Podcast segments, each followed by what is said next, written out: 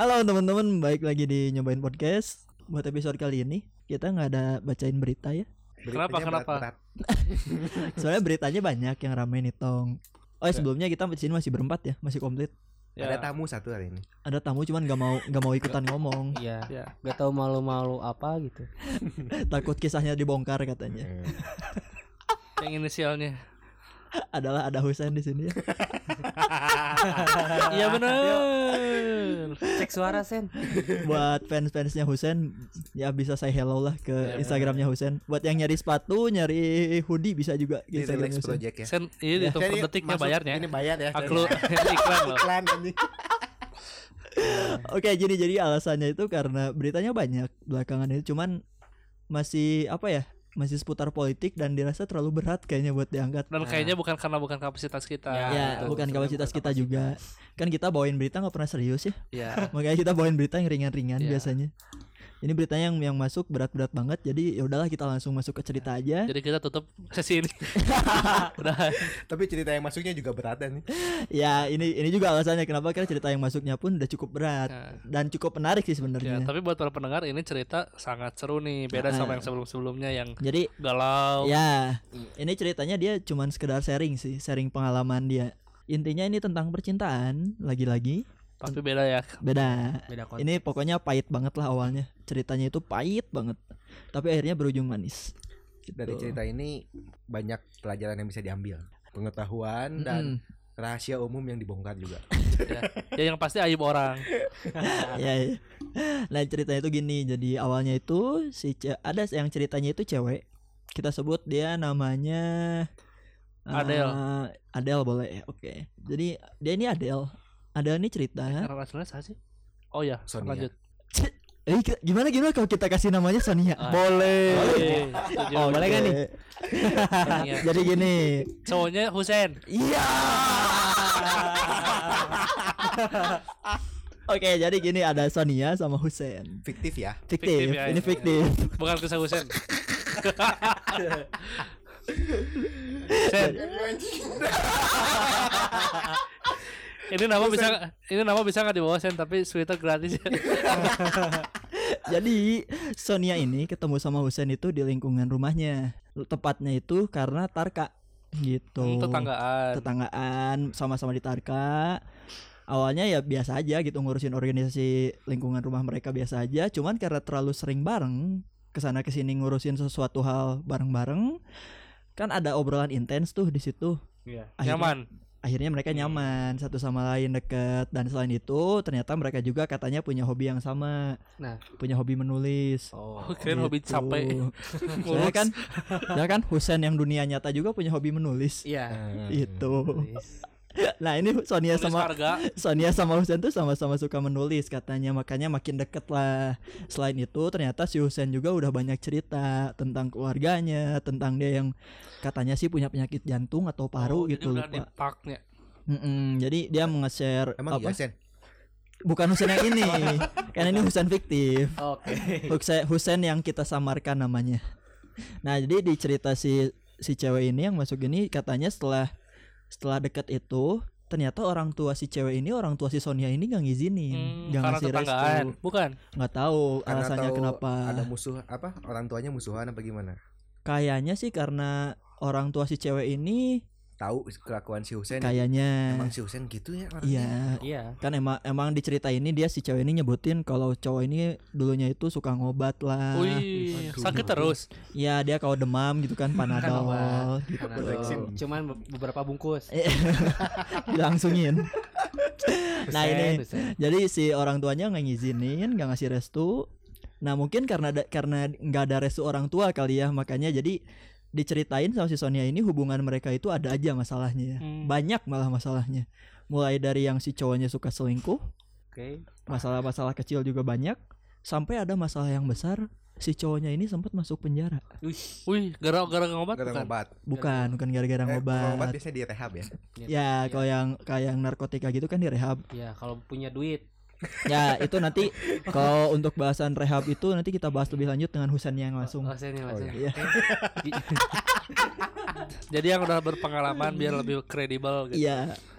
Nah, oke jadi alasan kenapa si cowok ini masuk penjara si Sonia ini nyeritain awalnya itu dia si cowoknya itu kerja di salah satu perusahaan apa gitu jadi dia di bagian sales gitu kan bagian sales yang nyamperin nyamperin konsumen buat nagihin uang gitu gitu nah satu waktu si Husen ini si cowok ini ngilangin duitnya ngilangin duit perusahaannya Berapa? yang katakanlah puluhan juta Widih. gitu nah setelah Buat modal ini bikin ini usaha relax project itu bukan? bukan, bukan. kan beda orang Oh, itu orang. beda orang Oh, yang sweater.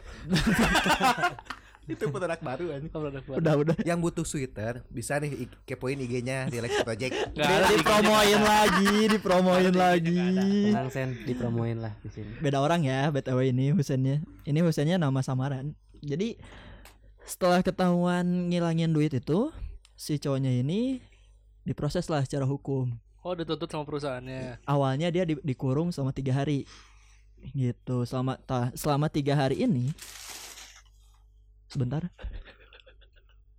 Naon? ada kresek kresek Bisa dihilangin. nah jadi Selama tiga hari. selama tiga selama proses pengurungan yang tiga hari ini keluarga si cowok nggak ada yang tahu jadi selama tiga hari ini yang nemenin ceweknya doang. Sonia. gitu si Sonia. Sonia si Sonia doang yang nemenin Selingkuhannya? Nah ada. selingkuhannya nggak ada nggak tahu ke mana padahal se- sebelum si dia dikurung ini si dia dikurung ini ada selingkuhannya Mm-mm. yang lagi deket banget dan ternyata si selingkuhannya ini udah punya suami Wih. Wih. Eh tapi kata tapi si Sonia ini tuh tahu nggak dia punya selingkuhan? akhirnya ketahuan akhirnya, Akhirnya tuh pas setelah di penjara atau sebelum di jadi penjara gini udah tahu. selama dikurung yang tiga hari itu karena di apa ya masih di lapas polsek kan masih kecil Iya. belum boleh pegang HP kan Iya. kecuali kalau udah dipindah ke kapal besar nah udah udah gitu kan HP-nya nggak boleh dibawa masuk akhirnya yang pegang HP-nya itu si ceweknya si Sonia dia ngecek HP lah Oh. ketahuan kalau dia punya selingkuh nah gitulah jadi kasus-kasus apa ya masalah-masalah kayak perselingkuhan gitu terus sampai yang masalah gede gini pun ada di hubungan mereka gitu nah setelah tiga hari dia dikeluarkan dibebaskan dengan persyaratan dia harus bisa ngurusin duit yang hilang itu jadi si perusahaannya ngasih kesempatan lagi ke si Husen Iya. ini untuk mengganti gitu kali ya. Ya, tapi ternyata setelah diberi kesempatan, si Husain ini belum bisa ngeganti duit yang hilang. Akhirnya dikurung lagi. Nilainya juga gede. Akhirnya dikurung lagi. Oh. Gitu. Nah, mungkin untuk kelanjutannya bisa dengerin langsung dari Mbak Sonianya. Kita udah bakalan puterin VN-nya langsung.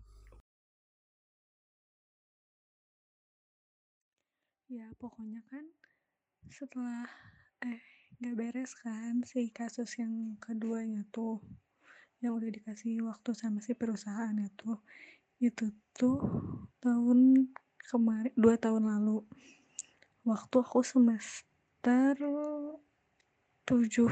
Ya waktu aku semester tujuh. Pokoknya lagi nyusun-nyusun skripsi bab-bab awal. Nah eh, itu kan gak beres. Dia tuh kasusnya akhirnya ditahan lagi. Jadi ada surat lagi dari kepolisian kalau misalnya eh nyuruh dia buat datang lagi ke eh, Polsek Lengkong. Karena si kantornya tuh daerah Soekarno Hatta yang eh apa namanya sebelah geria hemat di situlah pokoknya di kantornya di situ. Nah terus udah gitu eh, pas ke situ aku yang ngantar aku lagi yang ngantar tetap. Aku ngantar tapi nggak lama waktu itu tuh cuma nyampe jam 9 malam. Jam 9 malam aku izin ke kakaknya pulang karena kakaknya juga ada di sana. Waktu pas eh, pelaporan kedua mah. Nah besoknya aku nyoba chat ke kakaknya kan karena eh, chat ke dia udah nggak dibalas terus kata kakaknya emang udah nggak boleh megang HP dan udah masuk ke sel. Kalau waktu pas penangkapan pertama tuh nggak di sel dia masih di ruangan kayak gitu. Jadi masih bisa ketemu masih bisa ngobrol duduk di meja gitu. Dan waktu pas penangkapan pertama pun pernah pas aku sama dia lagi ngobrol tuh ada polisi yang lewat terus kayak oh eh, ini ceweknya gitu. Oh jangan-jangan eh, ikut make lagi uangnya. Terus kayak loh kok jadi aku ke bawah-bawah dari situ aku mulai mikir dan mulai takut ya takutnya nanti aku jadi gimana-gimana. Nah, terus eh, balik lagi ke yang kedua, pas aku chat pagi-pagi kakaknya, kakaknya bilang, iya dia udah nggak megang HP, udah di dalam sel, tapi belum eh, apa sih, nggak bisa dibesuk hari itu. katanya gitu. Karena itu hari Sabtu atau hari Minggu gitu kalau nggak salah terus di situ aku emang sempet nangis kayak kok bisa? Kok aku nggak bisa eh, ngedampingin dia? Kok aku nggak bisa bikin dia bener? Gitu kan. Terus sampai akhirnya eh, aku nyoba ke sana sorenya karena kata kakaknya kalau misalnya emang mau nyoba nyoba aja. Terus aku nanya ada yang mau dibawain nggak atau gimana? Kata kakaknya nggak usah tapi aku tetap bawain makanan gitu kan. Pas nyampe ke polsek aku bilang mau besok ini gini gini gini gini terus kata polseknya nggak boleh. Eh katanya ya kata polisi yang jaganya nggak boleh. Terus aku bilang bentar aja pak. Akhirnya dikasih waktu terus ketemu terus dia kayak eh kamu ngapain ke sini? Dan ngobrolnya tuh bener-bener dia di dalam sel aku di luar dan kayak ya nggak habis pikir gitu. Aku tuh dulu ngapain gitu ya udah kan nggak lama udah gitu cuman ngasihin makanan ngobrol bentar udah aja. Nah terus apa sih namanya hari jadwal besoknya aku lupa pokoknya hari Senin Rabu apa Selasa Rabu lah. Nah pas jadwal besok aku ke sana lagi terus dia bilang e, kamu pinjam HP dong pinjemin HP-nya dia ke kakaknya dia karena HP-nya si dia tuh di kakaknya.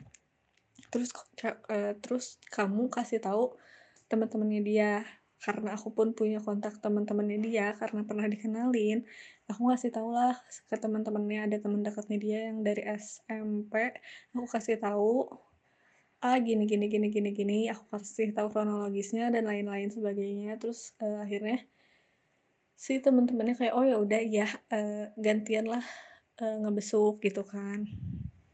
Terus dia pokoknya selama dia di sana dia kayak kalau aku ke sana dia bilang kayak bilangin dong ke ibu minta uang kayak gitu. Terus kan ya aku mau nolak gak bisa. Mau datang ke rumahnya minta uang pun gak bisa gitu kan. Yang gak enak gitu kan.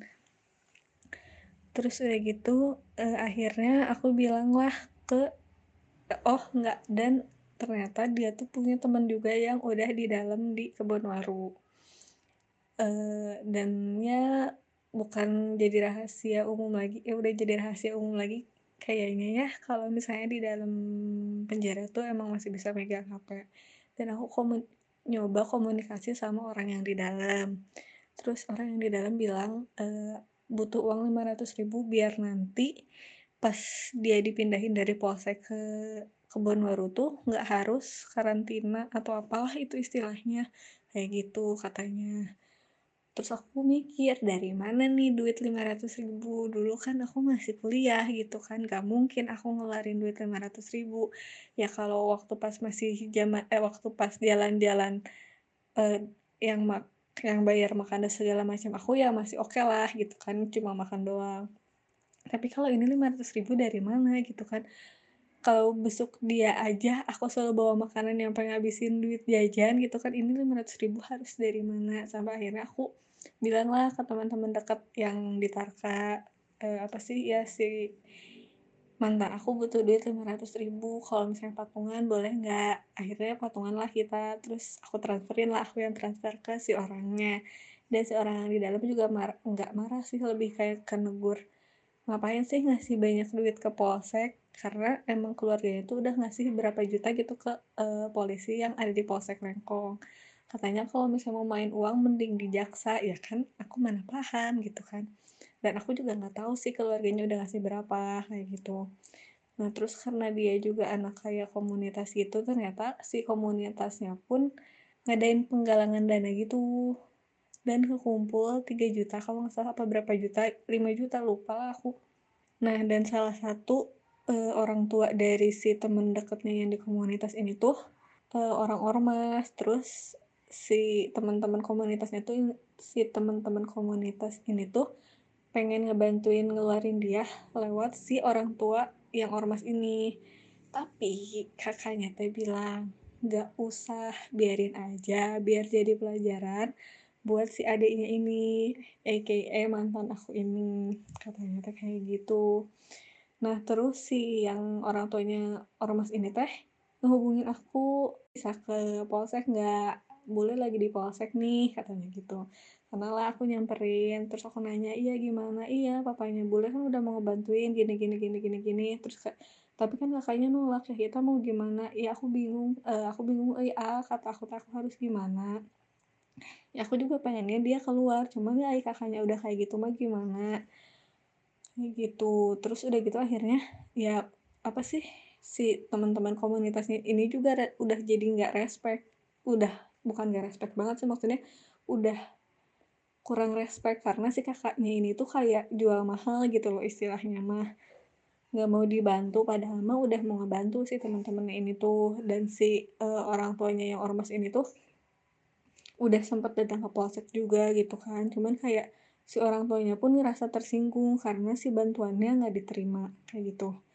Terus akhirnya eh, udahlah nyampe ke proses dia mau dipindahin ke Kebonwaru kan kejak kan ke kejaksaan dulu yang di Jalan Jakarta baru dipindahin ke Kebonwaru itu tuh aku ingat banget hari terakhir aku UTS apa UAS gitu. Dan si kakaknya tuh bilang gimana ya eh Aa nggak bisa eh, ngedampingin si mantan aku? Sebutlah siapa ya. Siapa dong? Ya sebutlah si A. Eh, Aa nggak bisa nemenin si A nih soalnya kerja katanya gitu. Terus aku mikir aduh siapa ya bisa minta eh, tolong tanyain nggak ke teman-temannya yang lain bisa ngedampingin atau enggak katanya gitu. Oh, terus ya udahlah aku nanyain ke teman-teman yang lain kan ke teman Tarka dan teman komunitasnya. Terus ternyata ada yang bisa terus aku bilang aku ke aku pasti ke polsek dulu sempetin kata aku tuh. Eh, tapi nanti udah gitu aku UTS udah gitu eh, beres UTS aku pasti ke sini lagi aku bilang gitu kan. Akhirnya aku ke polsek terus ada temennya juga di sana temennya juga sama nggak ngerti kayak ini harus gimana? Nanti di kejaksaan gimana gimana? Ya mereka nanya ke aku dan aku nggak paham harus kayak gimana kan. Terus aku bilang yaudah pokoknya nanti aku cuma ngasih nomor orang yang udah ada di dalam terus aku pergi UTS dan selama UTS pun aku nggak tenang ngerjainnya buru-buru karena pengen ngedampingin gitu kan. Akhirnya baliklah aku eh, pas aku pulang aku coba hubungin teman aku yang tadi ngedampingin ternyata masih di kejaksaan belum di ke Kebonwaruin aku ke kejaksaan lah ketemu lagi sama si kakaknya. Terus kayak eh shit bukannya UTS gitu gitu gitu. Iya udah beres kata aku tuh. Nah terus udah gitu eh, ketemulah dulu aku terus dianya juga nanya kamu bukannya lagi ujian? Iya kata tuh udah ada eh, ketemu bentar udah pulanglah kita karena nggak bisa nganterin ke kebun warungnya terus udah pas udah di kebun waru eh, dia udah mulai bisa megang HP terus kayak lah gitu kan. Tapi masih pakai HP orang lain gitu kan. Dia ngabarin ke aku nggak tahu nggak tahu gimana caranya nggak entah dia hafal nomor aku atau gimana pokoknya dia tiba-tiba ngechat gitu. Terus udah gitu eh, dia ngabarin jadwal sidangnya dia tiap dia sidang berapa kali sidang aku dateng ke tempat sidangnya ngedampingin ngeliatin terus ketemu sama kakaknya yang cewek. Baru pertama kali ketemu kakaknya yang cewek tuh ya di pengadilan kayak gitu. Pokoknya tiap dia sidang aku datang bawain makanan terus bawain baju. Terus kalau misalnya ngejenguk ke kebun waru dia pasti kayak mintain uang dong ke ibu segini. Terus akhirnya aku harus ke rumahnya bilang kalau misalnya si A ini butuh duit terus ibunya ngasih terus nanti aku yang ke kebun warunya ngasih gitu-gitu kan. Ya ya ribet lah gitu. Terus sampai akhirnya aku ada di titik kayak kayaknya ini udah nggak bener deh. Ya maksudnya kayak ya aku udah dari awal udah nggak diizinin sama orang tua terus teman-teman aku juga udah kayak ngapain sih ya gitu terus sampai kayak ya kok masih mau sih maneh tuh sama orang yang kayak gini? Katanya gitu. Bentar-bentar ya ada telepon. Nanti aku lanjut nah terus eh, udah kan akhirnya empat apa kali lima kali empat atau lima kali sidang gitu. Keluarlah putusan kalau dia tuh setahun setengah putusannya. Eh enggak itu tuh tuntutannya setahun setengah. Tapi putusan akhirnya tuh satu tahun kalau nggak salah. Dan eh, kalau misalnya dia ikut program di dalam dia cuman ngabisin tiga per empatnya kalau nggak salah 10 bulan aku lupa nah udah gitu ya udah selama di sana ya pasti ngejengukin gitu kan. Tapi selama dia di sana pun kita sempat berantem. Kayak misalnya waktu pas dia lebaran eh iya waktu lebaran kan ya aku mikirnya ya aku nggak bisa ikut ke sana karena aku ada acara keluarga. Dia pun ya itu momennya dia sama keluarganya dong gitu kan terus dianya marah kayak eh, eh kenapa kamu nggak ikut ya? Kamu juga kan termasuk keluarga bla bla bla bla bla kayak gitu. Terus ya di situ marahan. Terus udah gitu eh, apa sih namanya dia minta nomor rekening kakaknya gitu kan. Terus aku mikir kok dia dapat duit dari mana nih? Bisa transfer gitu. Terus udah gitu dia ngasih sempat waktu itu pernah waktu aku mau besuk dia bilang kalau mau besok ke sini beliin eh, Jeko dong tiga lusin kata ah banyak banget kata aku tuh. Iya nggak apa-apa tiga lusin aja ini eh, pada Mauda yang di sini. Terus akhirnya dia transfer duitnya. 300 apa 500 ribu ya aku lupa. Pokoknya dia transfer duitnya. Terus udah gitu eh, aku bilang lah ke kakaknya ya ini eh, A nitip Jeko dan segala macam segala macam akhirnya karena kan jadwal besoknya tuh pagi ya dan kalau misalnya besok itu kan harus ngambil nomor benar-benar pagi jam 6 gitu. Akhirnya sebelum ngambil nomor tuh aku ke Buah Batu dulu beli dulu Jeko terus beli makanan yang lain-lain juga dan aku tuh janjian sama temennya temen komunitasnya. Eh, karena aku bilang eh, ah aku eh, banyak bawaan nih kata "Teh, bisa bareng nggak biar nanti nggak riweh aku bilang gitu. Terus ternyata karena si temennya ini WA-nya nggak aktif jadi susah ngehubungin akhirnya aku memaksakan diri bawa Jeko tiga lusin dan eh, satu makan satu kresek besar makanan bawa motor apa ya dulu aku pakai yang Vario. Terus udah gitu akhirnya nyampe sana teman-temannya barulah datang terus aku bilang iya ini gini gini gini gini. Dan ternyata masih ada sisa uang berapa gitu. Pas aku mau balikin eh kata dia udah pegang aja buat nanti. Ya udah akhirnya aku pegang dan aku nggak berani pakai karena aku kan nggak tahu ya itu uang dari mana dia di dalam bisa ngasilin duit dari mana gitu kan. Nah pernah waktu pas awal-awal eh, besok juga aku bareng sama teman-teman Tarka tuh aku ya teman-teman Tarka yang cowok tuh pada bilang pelayaran pelayan gitu pelayaran pelayaran gitu kan. Sampai akhirnya aku googling ternyata ya emang banyak penipuan kan yang di dalam tuh. Banyak nipu orang di da- di luar sel kalau misalnya bilang kalau misalnya mereka kerja pelayaran terus morot akhirnya morotin duit si orang-orang yang di luar gitu kan. Dari situ aku kayak lah udahlah nggak bener loh ternyata gitu sampai akhirnya eh apa ya? Oh sampai akhirnya dia bebas. Aku lupa dia bebas bulan apa. Oh Januari. Dia tuh ulang tahun 24 Januari. Kalau nggak salah bebas 15 Januari gitu. Pokoknya awal Januari lah. Dan di situ aku posisinya ya aku lagi ngerjain skripsi eh, maksudnya aku karena aku tuh tipe orang yang ketika ada orang terdekat aku ulang tahun aku ngerasa aku harus menyiapkan sesuatu gitu kan. Tapi di situ aku posisinya nggak megang duit dan aku nggak enak nggak ngasih apa-apa gitu kan. Tapi aku akhirnya cuma ngajak makan dia doang gitu terus makan. Dan ternyata pas makan aku ketemu sama adiknya nenek dan kayak wow gitu. Terus akhirnya aku bilang enggak kok ini cuma temen doang gitu. Terus udah gitu udah eh, pulang makan pun kita masih sempat jalan-jalan kayak gitu. Terus kayak dia bilang eh, ya pokoknya intinya dia bilang makasih udah selalu ada dan segala macam.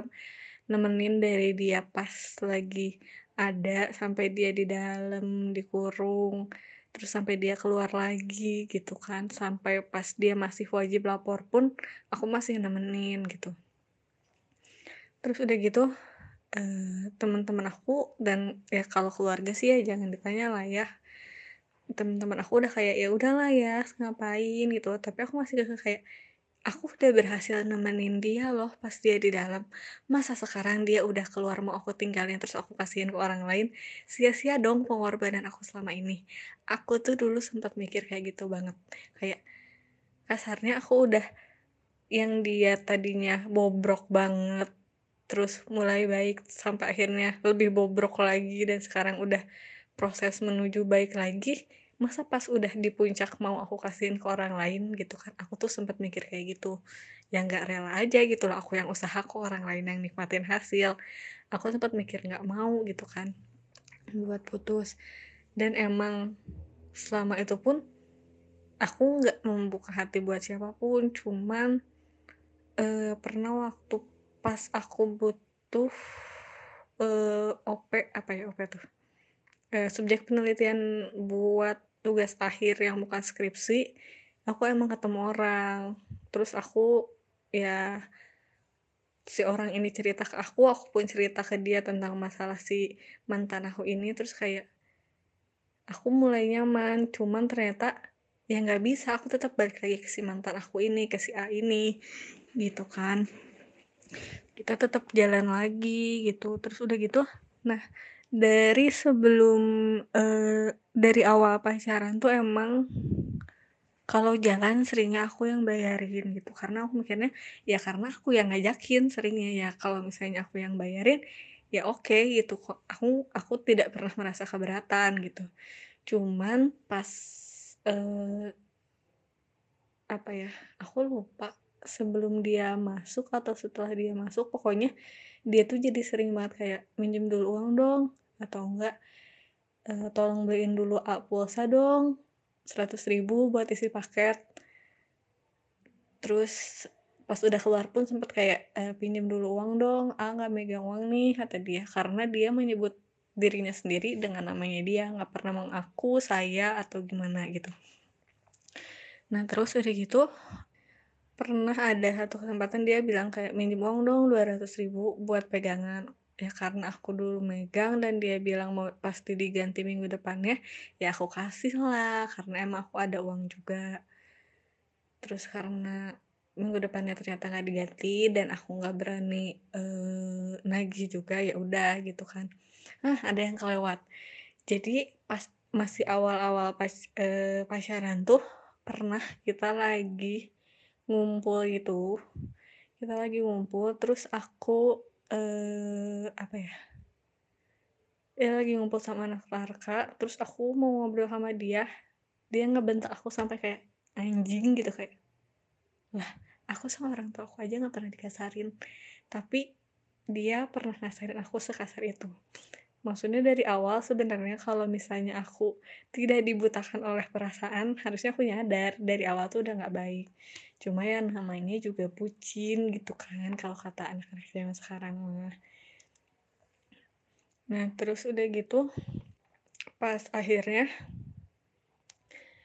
eh aku dia oh pas aku wisuda juga dia kan udah udah udah di luar udah bebas di situ aku masih dekat sama dia maksudnya kayak ternyata dia juga janjian sama eh saudara aku sama teman dekat aku tadinya mau datang untungnya nggak datang eh, dan ternyata aku dijemput sama orang tua aku gitu. Jadi orang tua aku nggak ketemu sama dia gitu untungnya. Terus udah gitu hmm, tapi ya nggak nggak ada eh, setelah dia nggak datang pun nggak ada perayaan atau misalnya dia ngucapin gimana gimana enggak dan ya aku sedikit kecewa waktu itu. Tapi udah lah ya gitu kan. Dari situ aku akhirnya pernah eh, karena buku tuh terakhir di aku. Nah terus yang masalah buku ini tuh karena buku tuh terakhir di aku dan lebih banyaknya tulisan aku terus aku suka lagi kan kok kamu nggak pernah nulis sih? Dia bilangnya suka nulis di uh, buku yang lain. Terus aku bilang ya udah salin aja. Atau enggak ya udah aku pinjam bukunya gitu kan. Tapi enggak. Sampai akhirnya emang benar-benar kayaknya ya dia tuh ngomong suka nulis dan segala macam tuh ya karena biar aku nggak bawel aja sih. Aku mikirnya kayak gitu. Terus udah gitu sampai akhirnya aku pernah uh, sengaja ngajakin jalan karena waktu itu kita masih deket. Tapi maksudnya dia uh, kayaknya dia juga udah deket sama cewek lain. Tapi aku masih ngajakin jalan buat uh, kayak ya udah kita bener-bener udahan cukup jadi teman aja gitu. Aku pengen bener-bener uh, ngeberesin hubungan itu gitu.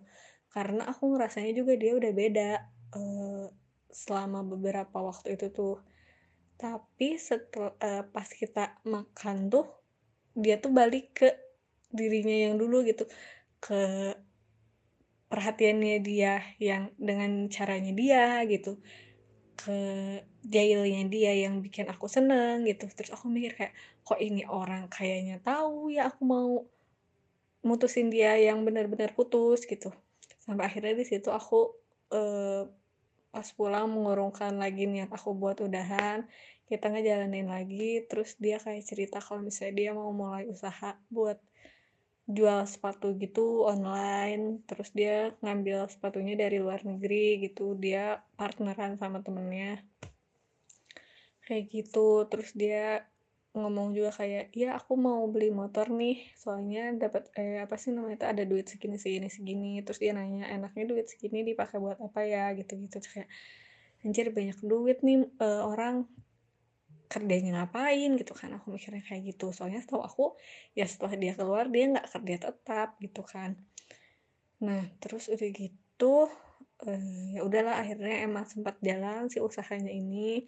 Terus aku juga nanya ke si partner partnernya ini kayak gimana usahanya dan lain sebagainya. Terus eh, ya aku bantu pernah aku bantu promoin juga usahanya kayak gitu.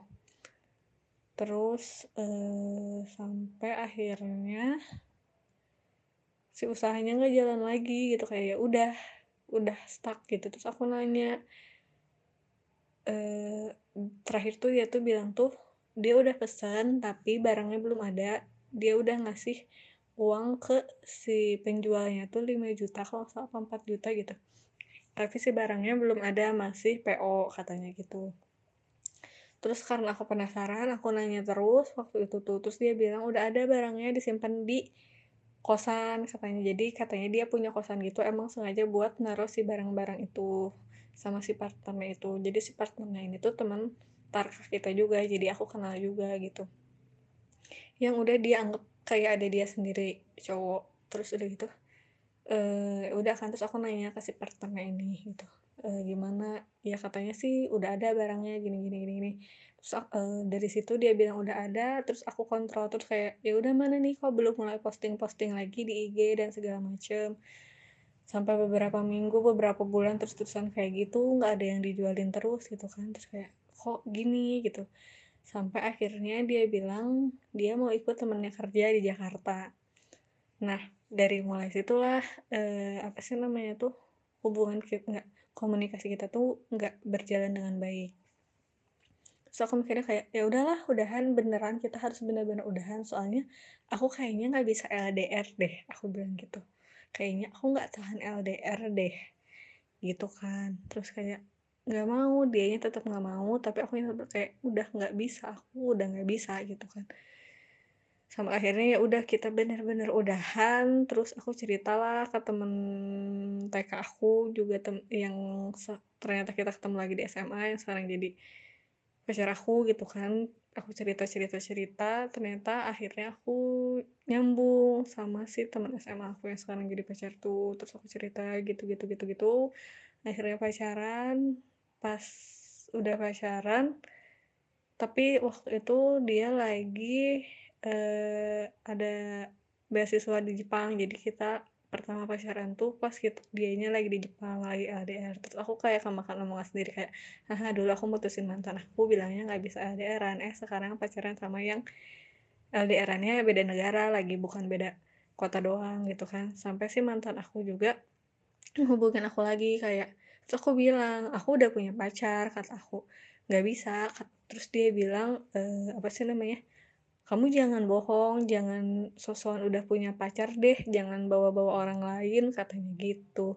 Terus aku bilang, aku bukan sosokan udah punya pacar, aku bilang, aku emang udah punya pacar kok, aku bilang gitu. Terus udah gitu, ya pokoknya si pacar, eh, si mantan aku tuh nggak percaya. Dia bilang, ya udah mana kalau misalnya emang punya pacar, eh, aja ketemu uh, ketemuin dia sama si pacar aku gitu. Terus aku bilang pacar aku lagi nggak di Bandung. Nantilah kalau misalnya emang udah pulang aku temuin. Aku bilang kayak gitu. Udah kan? Terus udah gitu uh, ya udahlah akhirnya kita nggak kontakan lagi nggak kontakan lama. Terus dia tiba-tiba ngechat nanyain apa kabar? gitu-gitu. Uh, udah nanyain kabar dia nanya boleh minta tolong nggak? Apa? Aku nanya gitu. Mau pinjem uang lah sekian buat pegangan. Aku nggak ada pegangan banget nih kata dia gitu. Terus kayak kok ini orang nggak ada malu-malunya? Gitu kan. Kasarnya kalau misalnya mau aku hitung-hitung udah berapa ratus ribu udah nyampe berapa juta kali kan. Dia minjem tapi nggak dibalik-balikin. Sekarang dia masih mau minjem gitu. Kok masih berani gitu kan Terus aku bilang nggak ada nih kata aku. Tuh soalnya aku belum megang eh, aku belum dikasih uang jajan aku bilang gitu. Terus iya tadinya kalau mau eh kalau misalnya ada pengen pinjem dulu buat seminggu ini aja. Soalnya aku bener-bener nggak ada pegangan katanya gitu. Itu keadaannya dia yang lagi di luar kota kerja itu kan. Terus udah gitu akhirnya ya ya aku bilang lah kasih pacar aku. Terus kata pacar aku ya udah blok aja katanya gitu. Karena ya udah nggak benar gitu. Dia udah berani eh, minjem-minjem gitu kan. Udah aku blok taunya nge-SMS minta dibuka blokirannya akhirnya aku buka dulu lah. Udah aku buka kita nggak kontakan lagi. Terus pernah ada satu waktu dia tuh sakit. Terus dia bilang ke aku bilang atau gimana? Atau aku yang tahu sendiri? Aku lupa. Atau dia update gitu kalau nggak salah tangannya di infus oh kalau nggak salah di update tangannya di infus terus aku nanya kenapa? Di mana? Kata ternyata dia sakit dan di Jakarta. Terus akhirnya kayak ya karena aku ngerasa aku masih temennya. Oh ini kejadiannya sebelum aku pernah ngeblokir deh kalau nggak salah. Eh, aku kayak ya terus gimana? Eh, apa sih kakaknya? Eh kakak kamu udah tahu belum? Dan segala macam segala macam. Ternyata kakaknya belum tahu. Aku kasih tau lah si A ini gini gini gini gini ke kakaknya. Terus kakaknya bilang iya katanya. Itu teh baru pulang dari eh, dia aca- ada acara kok sama komunitasnya gitu di Pangandaran. Kalau nggak salah pulangnya langsung ke Jakarta nggak ke Bandung taunya ngedrop nyampe Jakarta gitu. Terus udah gitu eh, pernah sekali lagi dia tiba-tiba ngechat lagi setelah sekian lama ngechat kayak lagi sibuk nggak? Terus aku bilang enggak kenapa? Kata kalau misalnya nggak sibuk ini aku lagi otw pulang itu tuh sore deh kalau nggak aku lagi otw pulang dari Jakarta mau minta jemput sekalian mau minta anterin ke klinik dong kata dia gitu. Terus kayak aku nanya dulu ke teman dekat aku lah ya eh, maksudnya ke, ke sobat aku gitu. Ya ini nih si A minta antar gimana ya? Terus kata sobat aku ya kalau misalnya dia masih bisa sendiri mah nggak usah deh. Terus aku kayak dulu tuh dia yang nganter kalau misalnya ke klinik aku masa sekarang aku nggak mau nganter gitu kan.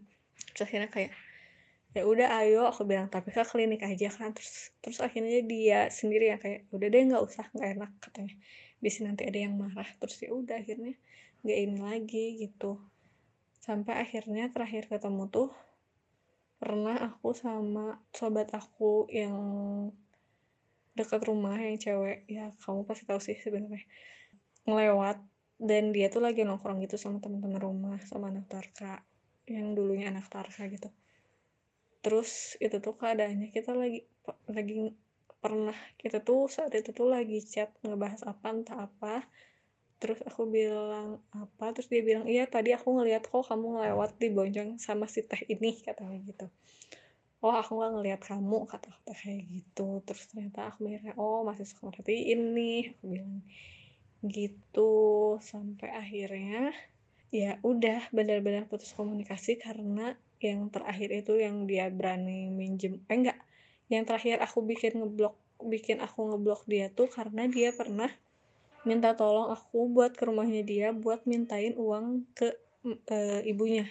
Dia pernah e, ngechat aku awalnya minjem uang karena nggak aku kasih dia bilang tolong dong ke rumah mintain ke ibu gitu. Itu tuh kondisinya kita udah udah udah lama lost kontak aku udah lama nggak pernah ketemu lagi ibunya gitu kan. Terus tiba-tiba masa sekarang aku disuruh ke rumahnya buat minta uang lagi gitu kan kayak ya ngapain? gitu. Terus udah gitu aku blok WA-nya ternyata dia masih uh, masih nyoba lewat SMS kayak please dong bantuin sekali ini lagi aja gitu. Nah terus uh, ya aku ingat. Ya maaf ya aku bolak-balik ceritanya. Ternyata waktu pas dia ngelihat aku ngelewat pas dia lagi nongkrong tuh itu kita lagi chat karena uh, dia cerita kalau misalnya dia pernah bawa cewek ke rumahnya terus ibunya nggak setuju terus dia pengen aku balik lagi sama dia kayak gitu. Itu yang kita, lagi kita bahas waktu pas uh, aku lewat dan ada dia di situ. Kayak gitu. Sekarang sih ya udah benar-benar lost kontak maksudnya ya udah aku ngerasa ya udah punya kehidupan masing-masing. Sekarang aku alhamdulillah sudah bahagia dan aku baru sadar kayak wow selama empat tahun ini eh selama empat tahun ke belakang aku menghabiskan waktu dengan nggak bukan dengan di hubungan yang mungkin menurut orang-orang toksik gitu. Dan setelah aku benar-benar putus pun teman-teman aku yang tahu ceritanya kayak ya mana dikasih tahu dari dulu? Nggak mau denger sih. Benar-benar kayak gitu orang-orang eh, sobat-sobat aku tuh kayak "Ya udahlah yang yang penting mah sama yang sekarang aja kata sobat-sobat aku begitu. Tapi ter- eh, kocaknya terakhir tuh karena aku kan sekarang kerja di luar kota dan pulang eh, dan kalau tiap pulang naik bis berhenti di halte yang di lebih panjang. Terakhir tuh pernah pas aku turun bis ada yang nyapa ternyata dia dan temannya dan di situ posisinya aku dijemput sama pacar aku. Tapi sekarang tuh tiap aku dijemput ke rumah sama pacar aku terus dia dan teman-temannya lagi nongkrong terus aku harus ngelewatin dia tuh kayak ada perasaan bangga dan seneng aja kayak hai aku udah bahagia loh. Makasih ya udah ngasih banyak pelajaran di hubungan yang sebenarnya tidak baik tapi ya adalah yang bisa aku ambil kayak gitu. Oh iya dan satu lagi karena dia dulu pernah ditahan aku ngambil topik penelitian skripsi tentang narapidana juga akhirnya waktu itu. Itu salah satu pelajaran yang bisa aku ambil kayak gitu. Maaf ya ceritanya panjang dan alurnya maju mundur kok. Semoga bisa diambil intinya maknanya dan pelajarannya. Terima kasih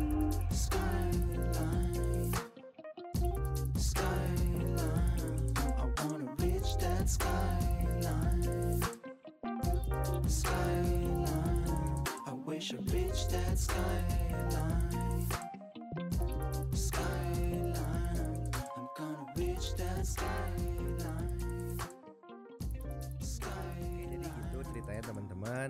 Eh, dari cerita ini sebenarnya udah bukan diberi solusi lagi ya sama kita ya ya. dia cuma sharing Dia sharing. Karena udah selesai hasilnya- masalahnya. Hasilnya pun dia udah ngedapetin gitu. Ya, Happy Dia dapet ending, weh. cowok baru gitu Ya, kan yang udah udah luar biasa lah lebih lah cowoknya aja nih Mm. Cowok baru, sekolahnya di luar negeri gitu. kisah baru. Kisah baru.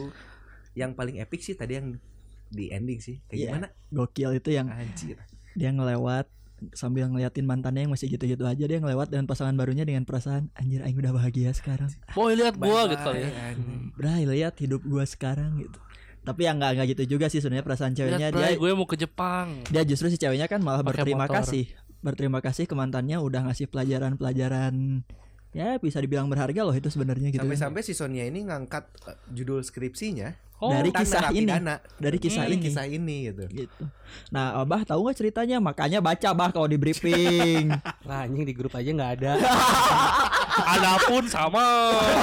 Cerita-cerita sebelumnya, eh ya belum. Kela- Ai- Aing masih tetap baca, cuma di tempat. Pas di tag. Jadi ketika ada orang yang nyeritain, lu nggak ngedengerin gitu. Tapi bisa dilihat di kisah ini kalau satu perempuan udah berusaha ke satu cowok bukan berarti happy endingnya di satu cowok yang udah diusahain ya. ya kan ini dia Dia bilang melulu sih sebenarnya. si cewek ini kan sempat punya pikiran juga kan masa sih aing yang udah nemenin dia dari ruksak sampai sekarang udah mendingan tapi masa orang lain yang nikmatin hasilnya Hmm. tapi kan buktinya ternyata dia ba- malah lebih. lebih bahagia dengan cowok yang lain Iya. gitu makanya kan kalau bisa dibilang kan emang ada saatnya kita merjuangin sesuatu tapi ada kalanya juga kita harus ngelepasin Iya. gitu Tapi kalau misalnya dilihat dari awal juga kan dari awal mereka hubungan tuh udah nggak ada persetujuan dari orang tua. Sebenarnya Hmm. itu udah seperti tanda-tanda lah ya. ya Nah, stop deh gitu. Nah ini ke depannya nggak baik, ini ke depannya nggak bagus. feeling orang tua ya emang beda ya Hmm. Iya. Tetapi terkecuali kalau misalkan dia bisa ngebalikin stigmanya dari orang tuanya. Hmm. Gitu. Ya gini kalau menurut kalau kata lu gitu bah, kalau kata gua ya selama orangnya emang beneran niat mau berubah bukan cuman ngomong doang, ya oke lu temenin sampai kapan pun silahkan gitu karena itu udah bener-bener niat. Kalau emang cuman ngomong doang buat luluhin hati ceweknya ya ngapain? Tapi gua kepikiran jahatnya gini sih, dia kan si Sonia ini suka minjemin uang ya ke si. Hussein gitu. Gue jadi kepikiran lah nanti kalau gua nggak punya duit, gua nggak gue lagi bokeh gitu ya gue pinjem aja gitu ya ke si jadi Sonia ya seenaknya seenaknya aja gitu nggak Gitu usah kan? dibalikin aja Cen cowok gitu kan kalau udah dikasih apa ya dikasih enak malah keenakan nah, cowok tuh gitu Tapi gue bangga sih ke cowoknya. kok bangga Soalnya cowoknya tuh gigih. Jadi ketika polisi lagi bikin lowongan buat jadi tahanan, dia terus nyoba biar masuk. Akhirnya caranya ngilangin uang. ini uh, untuk mbaknya ya selamat buat mbak Sonia selamat karena anda sekarang sudah bahagia selamat udah bisa ngambil pelajarannya dari kisah yang kemarin Iya. gitu kan dan selamat udah berani keluar dari hubungan yang toksik gitu dan buat Mas Husen di sisi lain Mas Sen, Husen, dengerin Sen. Sen. Sen dengerin. jadi Husen buat Mas Husen ke depannya ya semoga yang kemarin bisa jadiin pelajaran juga buat Mas Husen jangan jangan keterusan jadi orang yang kayak gitulah Ya. semoga bisa jadi pemicu buat me- memperbaiki diri ke depannya gitu Semoga kapok lah dengan masuknya jadi tahanan. C- cerita yang sekarang mah ini mah jadi inspirasi ya inspirasi, buat Inspirasi. teman-teman di luar sana Iya. yang sekarang mungkin sama-sama lagi ada di hubungan yang toksik gitu kan Bertahan atau meninggalkan ya. ini contoh aja Mbak Sonia dia berani keluar dari hubungan yang toksik dan akhirnya dia bahagia loh Hmm. Berlipat ganda bahagianya. iya betul gitu aja ya Itu aja sih. ya udah gitu aja mungkin buat teman-teman ke depannya yang mau cerita silahkan masih ke IG kita di @nyobain podcast atau ke personil kita masing-masing boleh Tahu nggak eh, ada akun Twitter baru kita loh oh iya di @nyobain_podcast.